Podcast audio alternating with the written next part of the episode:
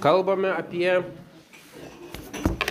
evoliuciją ir dabar klausimas, ar tą žodį evoliucija galim taikyti negyvai gamtai, ar galime taikyti visam kosmosui.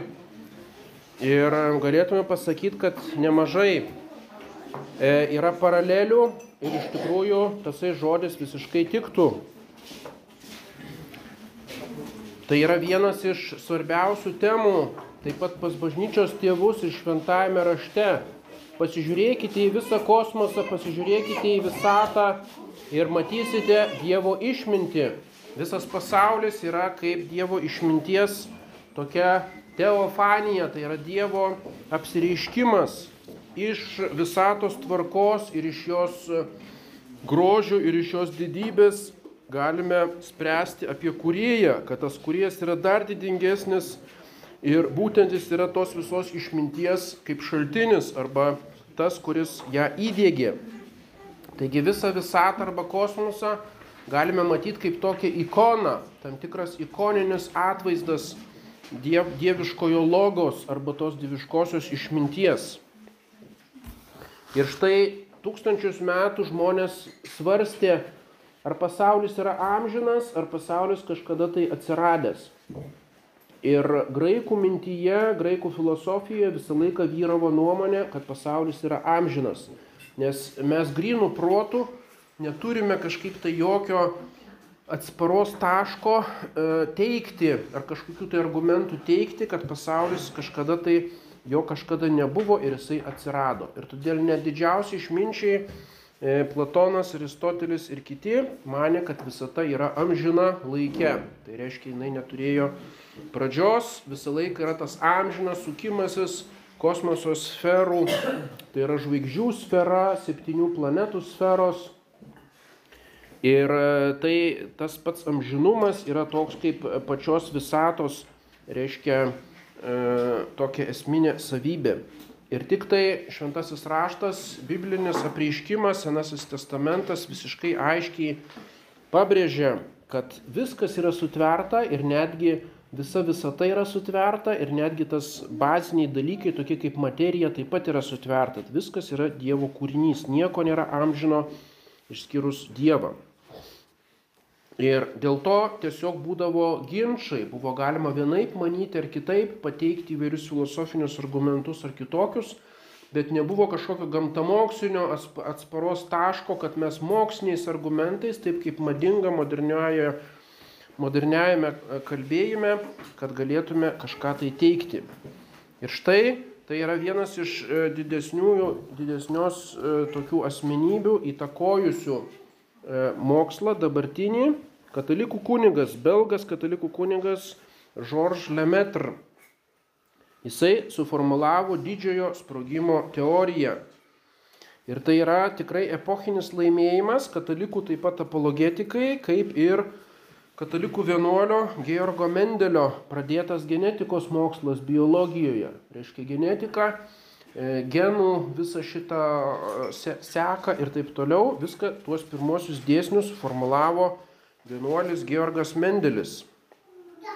Ir taip pat kitas 20-ojo amžiaus žymus kultūrinėje antropologijoje kuningas Vilhelmas Šmitas, kuris būtent moksliniais argumentais, kultūrinės antropologijos argumentais įrodė pirmykščio monoteizmo tezę, kad visų žmonių, žmonijos seniausia religijos forma yra būtent monoteizmas, o tik vėliau degradacijos būdu atsirado politeizmas, daugdievystės, tapmeldystė ir taip toliau. Taigi šalia tokių asmenybių, kurios tikrai buvo gerbiamos visoje akademinėje sferoje ir lygi šiol turi didžiulę įtaką, būtent yra ir Georges Lemaitre, belgas kunigas, kuris 1927 metais paskelbė, paskelbė studiją Un univers homogen, homogeniška pastovios masės visata, kurios radijusas plečiasi.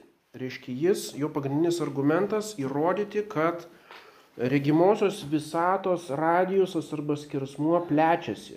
O jeigu plečiasi, tai iš to galime padaryti išvadą, kad kažkada jisai buvo mažesnis, O kažkada tai buvo visiškai mažas ir galbūt vieno taško. Ir reiškia, iš to vieno taško visa visata išsiplėtė.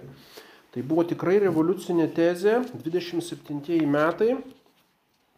O vėliau buvo e, žymusis astronomas Edvinas Hubble'as, Hubble'as, britų astronomas, jisai šitą parodė ir astronominiais tyrimais, e, vadinamas reiškia raudonasis poslinkis, ką mes žinome apie dangaus kūnus, tai tik mat, žiūrėdami jų šviesą. Ta šviesą galime analizuoti tos šviesos spektrą, reiškia išskaidyti į atskiras spalvas.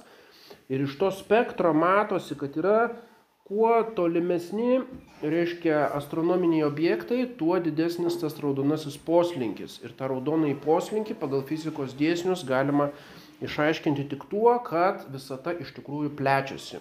Reiškia, Edvinas Hublas šitą aiškiai parodė ir iki šiol tai yra vyraujanti teorija. Reiškia Žordžo Lemetro Edvino Hublo teorija. E, vis, e, didysis sprogimas, kuris įvyko, kaip galima apskaičiuoti ganėtinai tiksliai, prieš e, 13 milijardų 800 milijonų metų. Galime palyginti, gyvybė Žemėje atsirado prieš 3,5 milijardo metų. Tai reiškia visatos amžius yra 13 milijardų, o gyvybė Žemėje 3,5 milijardo. Tai reiškia maždaug ketvirtadalis visatos amžiaus jau yra gyvybė, galima sakyti, Žemės planetoje. Ir iš karto atsirado opozicija šitam, šitai teorijai, toksai britų astronomas Fred Hoylas, e, kuris skelbė pastovios būklės modelį, kad vis dėlto visata yra amžina ir jinai nesiplečia, yra pastovi būklė, tačiau tuos visus raudonojo poslinkio ir kitus e, aspektus galima paaiškinti pastovių materijos radimusi. Reiškia, visoje visatoje e, atsiranda materija iš kažkur tai. Ir tada Fred Hoyle labai, reiškia, polemizavo su, mm, su šituo elementru. Ir 49 BBC radio laidoje sako, čia šita keista, reiškia, teorija, tai yra Big Bang teorija. E, didžiojo pūkšt, pokšt, reiškia, teorija. Nu ir labai prigijo tasai Big Bang ir iki šiol vadinama, reiškia, kad tai yra Big Bang didysis sprogimas. Ir iki pat savo mirties 2001 metais Hoyle, reiškia, įvairiais būdais vystė tą savo pastovios būklės modelį. Ir yra nedidelės grupės mokslininkų, kurie dar jos laikosi, bet e, tai irgi yra kaip e, neįrodomas dalykas ir stebuklingas, kad e, įvairiose visatos vietose pastoviai atsiranda iš kažkur tai materija. Tai iš kur jinai dabar galėtų atsirasti, reiškia, kad išlaikyti tą pastovią būklę. Tai reiškia, tai yra nelabai įtikėtina. Ir štai 51 metais popiežius Pijus XII pagyrė Lemetro teoriją, kuri ir pripažino jos apologetinę reikšmę, kad katalikiškasis pasaulėvaizdis apie pasaulį, kuris nėra amžinas, galų gale buvo patvirtintas moksliniu būdu. Taigi 31 metais šitas Lemetr išspausdino knygą, jau išvystė tą savo teoriją pavadino Lipotės dėl atom primityv, apie primityv, primityvio pirmykščio atomo idėją. Tai reiškia tą užuomasgą viso pasaulio jis vadino pirmykščių atomų. Ir kai kur netgi vadindavo jį kosminiu kiaušiniu. Tai reiškia yra kaip kiaušinis, iš, iš kurio išsilukšteno ir išsirito visa visata. Tasai įvaizdis reiškia paimtas iš pagoniškos mitologijos. Bet prim, prim, pirmykščio atomo e, toks idėja irgi yra įdomi. Mm, reiškia, jinai atspindi tą pirmykštę atomo savoką. Dabar, kai mes sakome atomas, tai yra visiškai aišku, kad jis yra tokia kaip nedidelė Saulės sistema, kur yra brandolys ir aplink jį sukasi elektronai, tai yra sudėtinga struktūra atomas. O graikų filosofijoje atomas buvo praktiškai taško dydžio minimalus reiškia būties, materialios būties toksai elementas, atomas. Reiškia atomos, reiškia nedalinamas. Ir šitą pirmykštę e, prasme, kaip toksai koncentruotas materijos taškas, tai būtent čia labai tinka tai Big Bang teorijai. Taigi jau dabar praktiškai galima sakyti, toje globalinėje kosmologijoje galima teikti, kad vyraujanti teorija, kad yra tik tai viena visata. Daugeliui mokslininkų tai atrodo labai nuobodu, kas čia tik tai viena visata ir tada skelbiamos įvairiausios teorijos pluriversumo. Reiškia, kad yra daug įvairių lygiai grečių pasaulių ir įvairiose erdvėlaikio lygmenyse. Bet visa tai yra tik tai matematinės teorijos, kur tikrai galima prirašyti daugybę formulių ir spekuliuoti, kaip tos pluriversum funkcionuoja ir ar atsiranda kažkokios tai skylės iš vienos visatos į kitą, ar galima aplenkiant e, šviesos greitį nukeliauti kažkur tai didelius atstumus ir taip toliau. Visa tai lieka matematikos lygmenyje. Matematika iš tikrųjų įgyjo milžinišką reikšmę, reiškia Aristotelis labai aiškiai skyrė matematiką ir fiziką. Tai yra du visiškai skirtingi dalykai Matematika yra apie idealiuosius, idealiasias formas, idealiuosius skaičius, tai yra idėjų ligmenyje, o reiškia fizika, tai yra visi šitie materialūs kintami dalykai. Ir būtent moderniojo mokslo, pradedant nuo Galilėjaus ir paskui Newtono, e, didelis yra nuopelnas, kad vis dėlto įrodyta, kad visa visata ir visa fizika yra nepaprastai matematiška. Ir matematikos e, veiksmingumas sprendžiant fizikinės problemas yra tiesiog neįsivaizduojamas. O ką jau kalbėti apie astronomiją, kuri tiesiog yra labai susijusi su matematika. Ir todėl matematika įgyjo didžiulę reikšmę tose gamtos moksluose ir todėl e, atsiranda tos įvairios matematinės spekulacijos. Ir reiškia apie visatos įvairias e, e, daugybiškumą. Tačiau E, apreiškimas mums sako, kad yra viena visata. Dievas sutvėrė vieną pasaulį, vieną e, kosmosą, mes neturim absoliučiai jokių argumentų. Tai buvo mėgstamas gnostikų argumentas, įvairios gnostinės antikrikščioniškos tradicijos apie daugelį įvairių pasaulių. E, jos būtent buvo visą laiką atmetamos bažnyčios. Ir šita visata galų gale kokia jinai yra. Ar jinai yra geocentrinė, ar jinai yra heliocentrinė. Tai reiškia, per amžius buvo manoma, kad geocentrinė Žemė yra centre visos visatos. Paskui Kopernikas sako heliocentrinė.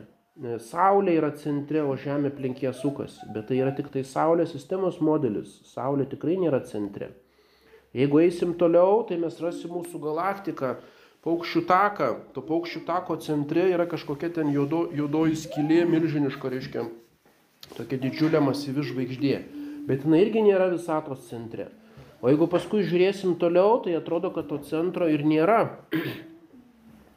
Tada galėtume pagalvoti, jeigu šita visata plečiasi, reiškia ir kažkada tai sprogo iš to vieno primityvaus atomo, Tai tada mums reiktų nustatyti tą tašką, iš kurio jinai sprogo, reiškia, kurioje mes dabar koordinačių sistemoje esam ir tasai taškas bus visatos centras. O reiškia, jinai taip į visas pusės ir plečiasi, o mes kažkur tenais kažkiek kilometrų nuo to centro nutolę.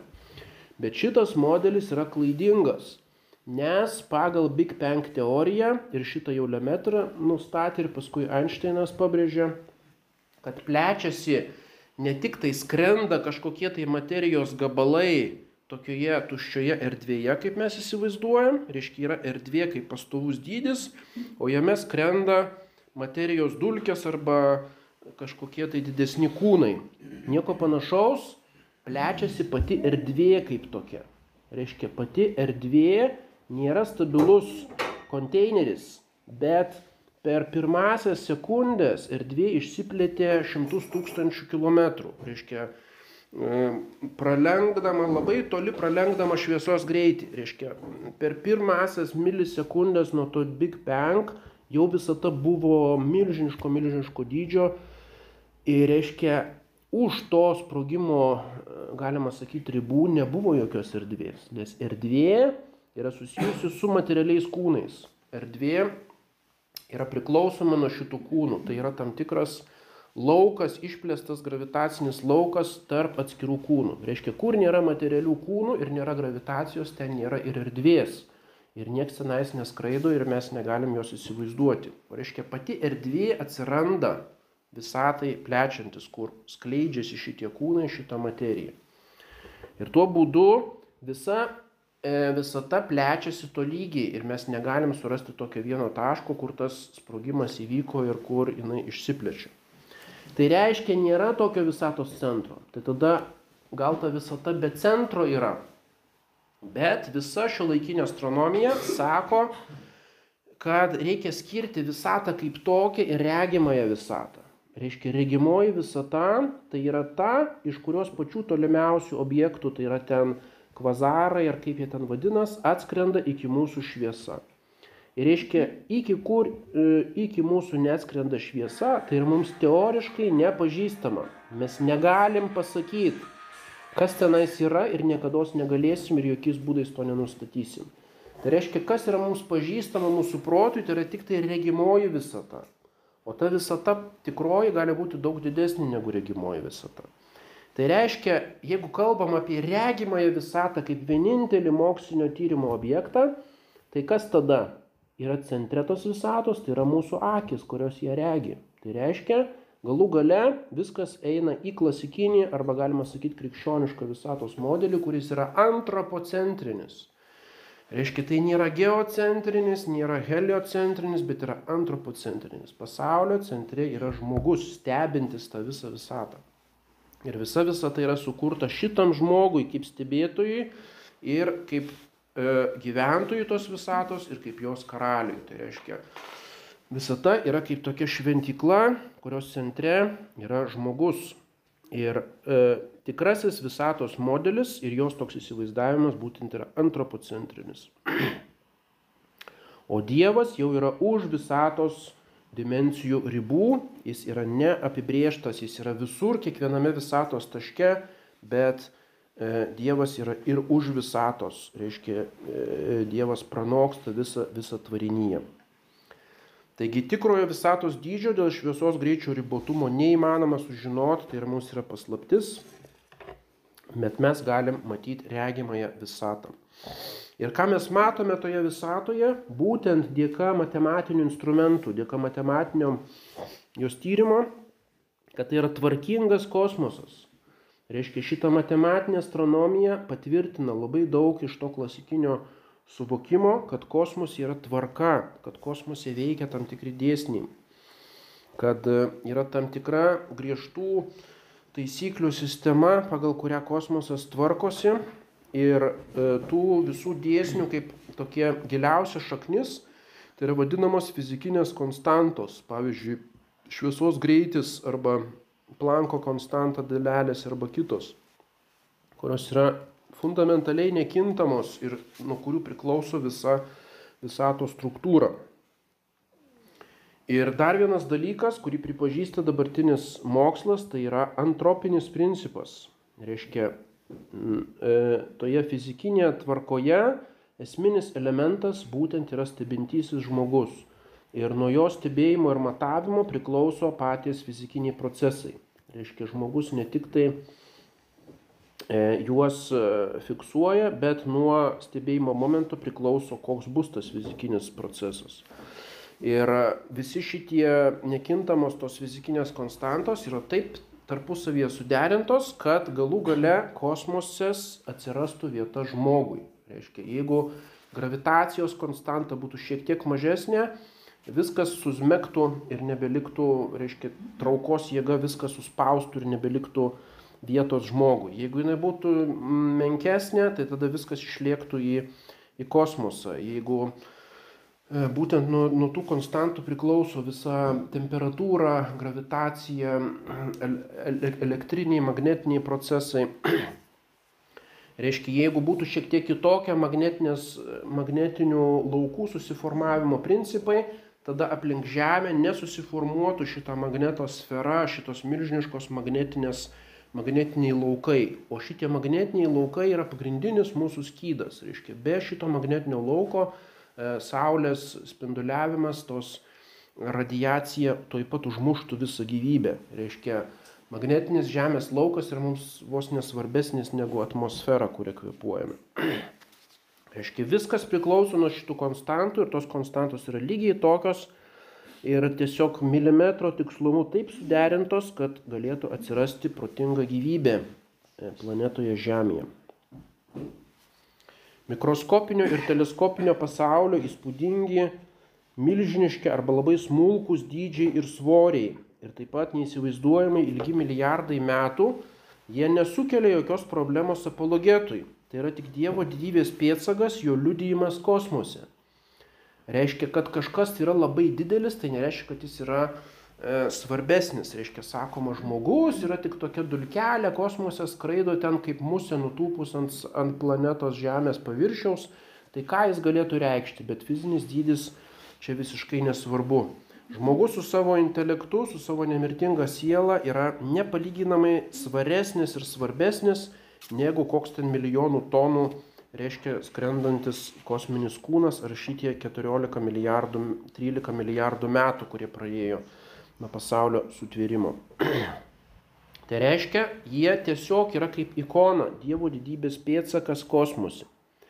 Taigi žmogus nėra nereikšminga dulkelė kosmoso platybėse, bet jis yra kosmoso centras, nes kosmosas yra antropocentrinis. Ir taip pat jo egzistavimas nėra tik tai akimirka kosmoso istorijoje. E, žmogus, reiškia, gyvuoja pagal kažkokius apskaičiavimus ten kelius šimtus tūkstančių metų, o reiškia visa gyvybė jau yra 3,5 milijardo metų. Tai yra kaip viena sekundė, jeigu imtume visą, visą laiką. Bet vis tiek žmogus yra daug svarbesnis negu šitie milijardai metų. Reiškia, kokybinis sielos pranašumas, dvasios pranašumas toli lenkia materialinė gamtos kiekybė. Kokybė yra svarbiau negu kiekybė. Taigi visata yra tam tikras ordo. Ordo latiniškas žodis tvarkai, kuris yra esminis šventajam Tomui. Jis viską prašo kaip tam tikrų ordinės, ordo reiškia tvarką. Arba yra kaip graikai sako kosmos, kažkas gražaus, kažkas išpošto. Bet šitame, šitoje visatoje toliau veikia ir chaosas. Ir štai kas žmogų glumina, tai yra tvarkos ir chaoso, tikslingumo ir atsitiktinumo koegzistavimas visatoje. Mes matom gamtos dėsnius, mes matome konstantas, bet yra toks chaotiškas materijos judėjimas, kurio neįmanoma niekaip apskaičiuoti. Ir kaip šitas chaosas susiderina su tikslingumu, tai yra didysis kosmologijos klausimas. Saulės sistema žmogiškoje šitoje skalėje yra nepaprastai reguliari. Astronominėje skalėje jinai yra ganėtinai chaotiška.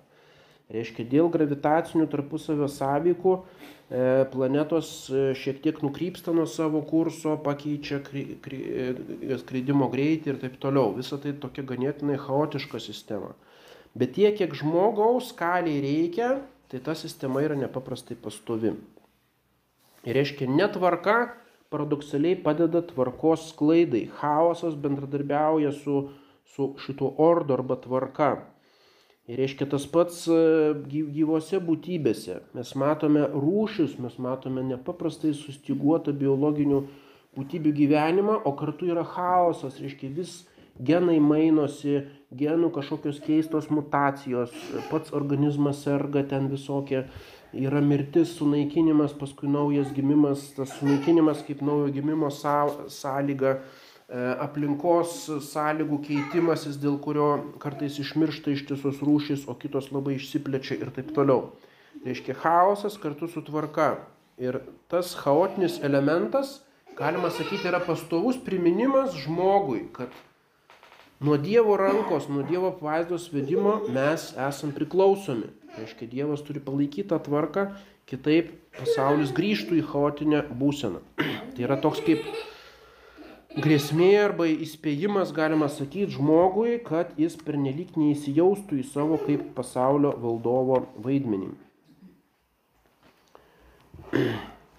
Ir štai galima paklausti tokioje globalinėje skalėje, tai kosmosas yra labiau panašus į mašiną ar labiau panašus į gyvą būtybę?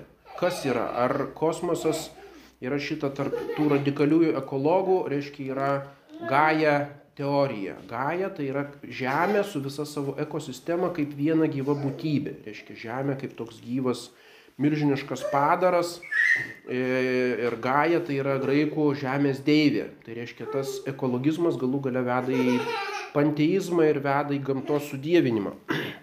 Tai reiškia, jeigu Žemės planeta yra būtybė gyva, tai galbūt ir visas kosmosas yra kaip tokia pulsuojanti gyvybė. Ir ta, tas modelis buvo labai patrauklus daugeliu filosofų, ypač tų vat, gnostinės minties ir taip toliau susijęs su panteizmu.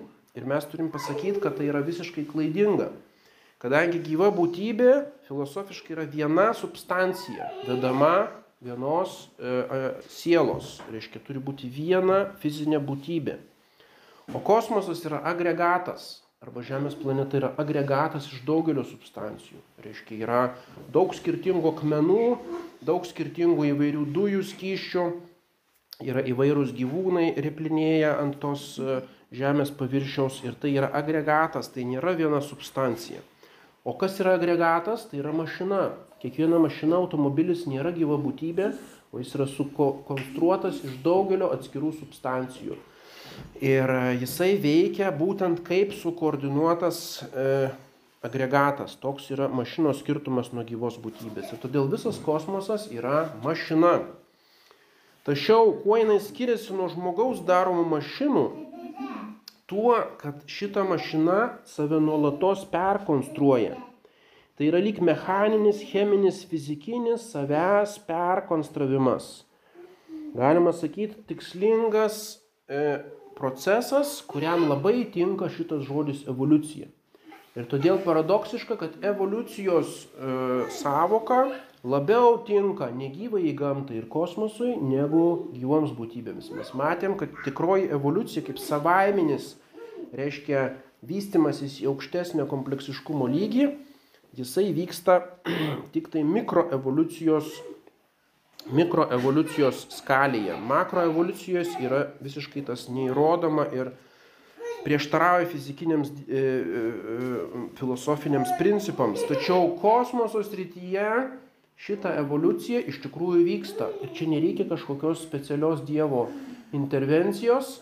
Nuostabiai veikia šitie fizikiniai, cheminiai, e, elektroniniai, magnetiniai dėsniai ir tuo būdu organizuojasi materija. Taip kaip matome, kaip vandens molekulės susiorganizuoja į gražią snaigę arba kokios nors kvarco molekulės į gražų kvarco kristalą, švytinti arba deimanto.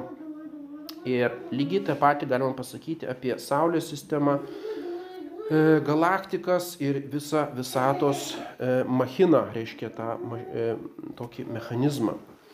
Tai yra savęs konstravimas. Ir todėl kosmosas nėra kaip Dievo prisuktas laikrodis, tai kaip įsivaizdavo 18 amžiuje, tiesiog mechaniška sistema, kuri Dievo prisukta, duoti geležiniai dėsniai ir ji tiesiog automatiškai sukasi. Taip nėra.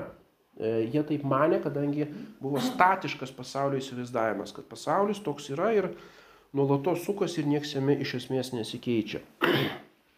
Pasaulis persikonstruoja į save, organizuoja vis iš naujo. Yra tam tikra kosmoso istorija, negyvosios gamtos istorija. Nuo šito Big Bang momento mes galim atsekti įvairias tos istorijos pakopas, kurios yra tikrai įspūdingos. Tačiau šitas vystimasis nėra kaip gyvos būtybės vystimasis, kadangi kosmosas neturi sielos, nėra panteistinė sistema, kaip įsivaizdavo, arba pan, panpsichistinė sistema, kur e, pasaulis kaip gyva būtybė organizuojama vienos sielos. Tiesiog jis panašiai struktūrizuojasi kaip vandens garai į snaigę, kaip reiškia įvairūs e, struktū, e, kosmose dulkės į stambų dangaus kūną ir taip toliau. Vedamas elementų vidinės, galima sakyti, potencijos arba vidinės galios. Ir šitą vidinę galę dar Aristotelis vadino entelechija. Ente, entelechija tai reiškia vidinis tikslingumas, kuris yra materijos dalelėse, materijos principuose užprogramuotas, reiškia Dievo įdėtas ir tų potencijų visiškai užtenka, kad sukurti pačius sudėtingiausius reiškia kosmoso struktūras.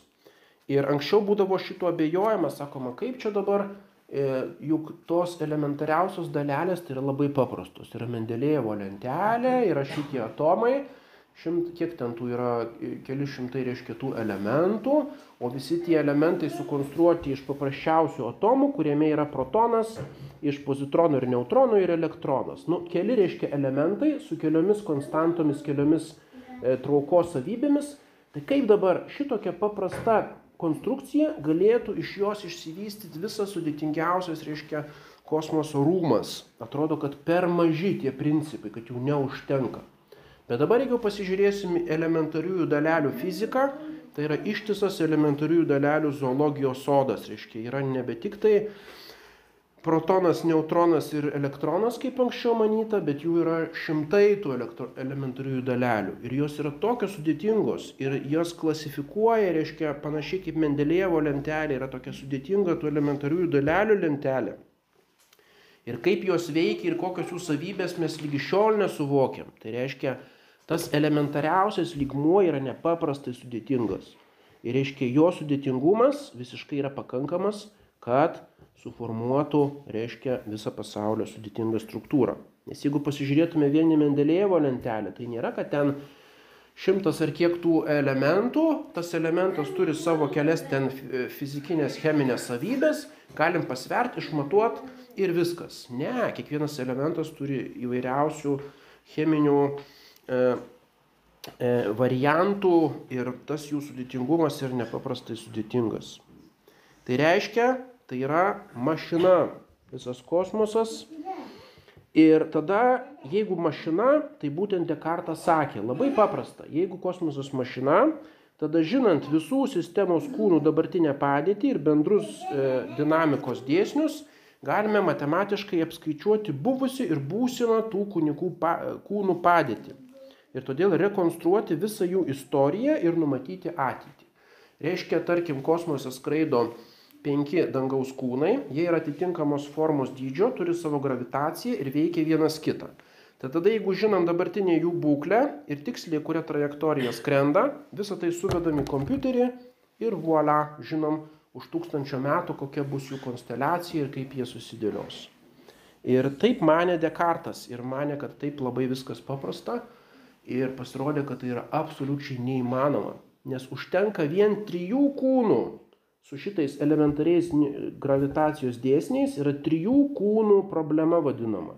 Reiškia, tu įvedi į patį galingiausią kompiuterį tris kūnus, kurie apvalūs ir turi savo masę ir tu niekaip neapskaičiuosi, kokia konsteliacija bus po, po, po 5 valandų ar 6 valandų. Reiškia, jų dinamika yra tokia nepaprastai sudėtinga, nes kiekvienas kūnas veikia visus kitus kūnus Ir kiekvienas būsenos pasikeitimas ar trajektorijos pasikeitimas vėl pakeičia visą jų kombinaciją. Ir pats galingiausias kompiuteris negali išspręsti trijų kūnų problemos.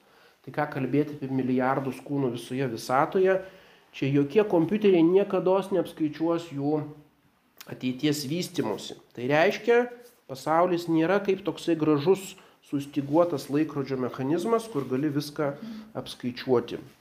Nors visatą sudaro ganėtinai paprasti objektai, kieti, dažniausiai apvalūs kūnai, dulkių ir dujų debesis, įvairių bangų laukai, nors žinom praktiškai visus reikalingiausius dėsnius, faktinį objektų būklę, bet nu, numatyti, kas bus po net kelių valandų kosmose yra visiškai neįmanoma, net teoriškai. Reiškia, tas chaotiškumo ir atsitiktinumo elementas yra toks svarbus, kad žmogaus protas jo niekada neįveiks. Ir šitas sudėtingumas galų gale mums e, atveda iki matematinio modeliavimo pačių paprasčiausių struktūrų. Mums reikia apskaičiuoti, kaip susidarė ir kaip vystosi mūsų Saulės sistema. Kaip ta Žemė sukasi, kodėl toks menulis apie ją sukasi ir planetos ir Saulė. Atrodo labai paprasta fizikinė sistema.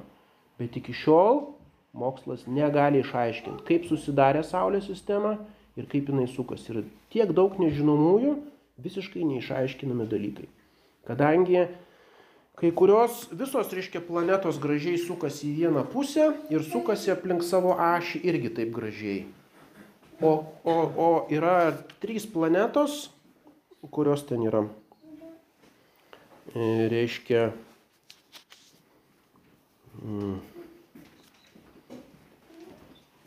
Venera, Uranas ir šeši iš planetų satelitų. Venera ir Uranas sukasi į priešingą pusę. Kodėl dabar? Jeigu visa Saulės sistema susiformavo iš vieno dulkių debesies, kuris taip sukas ir tada tos dulkės sulipo į tas planetas, ir tokie sukūriukai sukas ir iš tų sukūriukų susidarė visi planetos ir satelitai, tai visi turi gražiai tą pačią pusę ir suktis.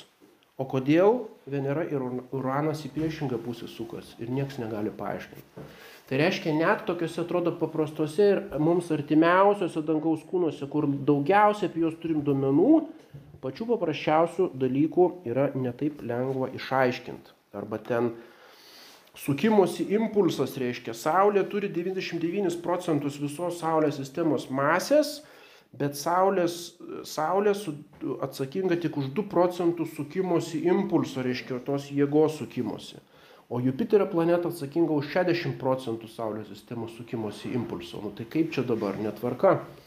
Ir nieks negali paaiškinti, kodėl. Reiškia, iš tų paprastų e, dulkių, reiškia, sukūrių dinamikos šito negalim paaiškinti. Tai reiškia, e, galų gale kosmosas yra ganėtinai sudėtinga mašina ir žmogaus protas dar vis pažeminamas jo galios lyginant su būtent ta, ta visa sudėtingumu.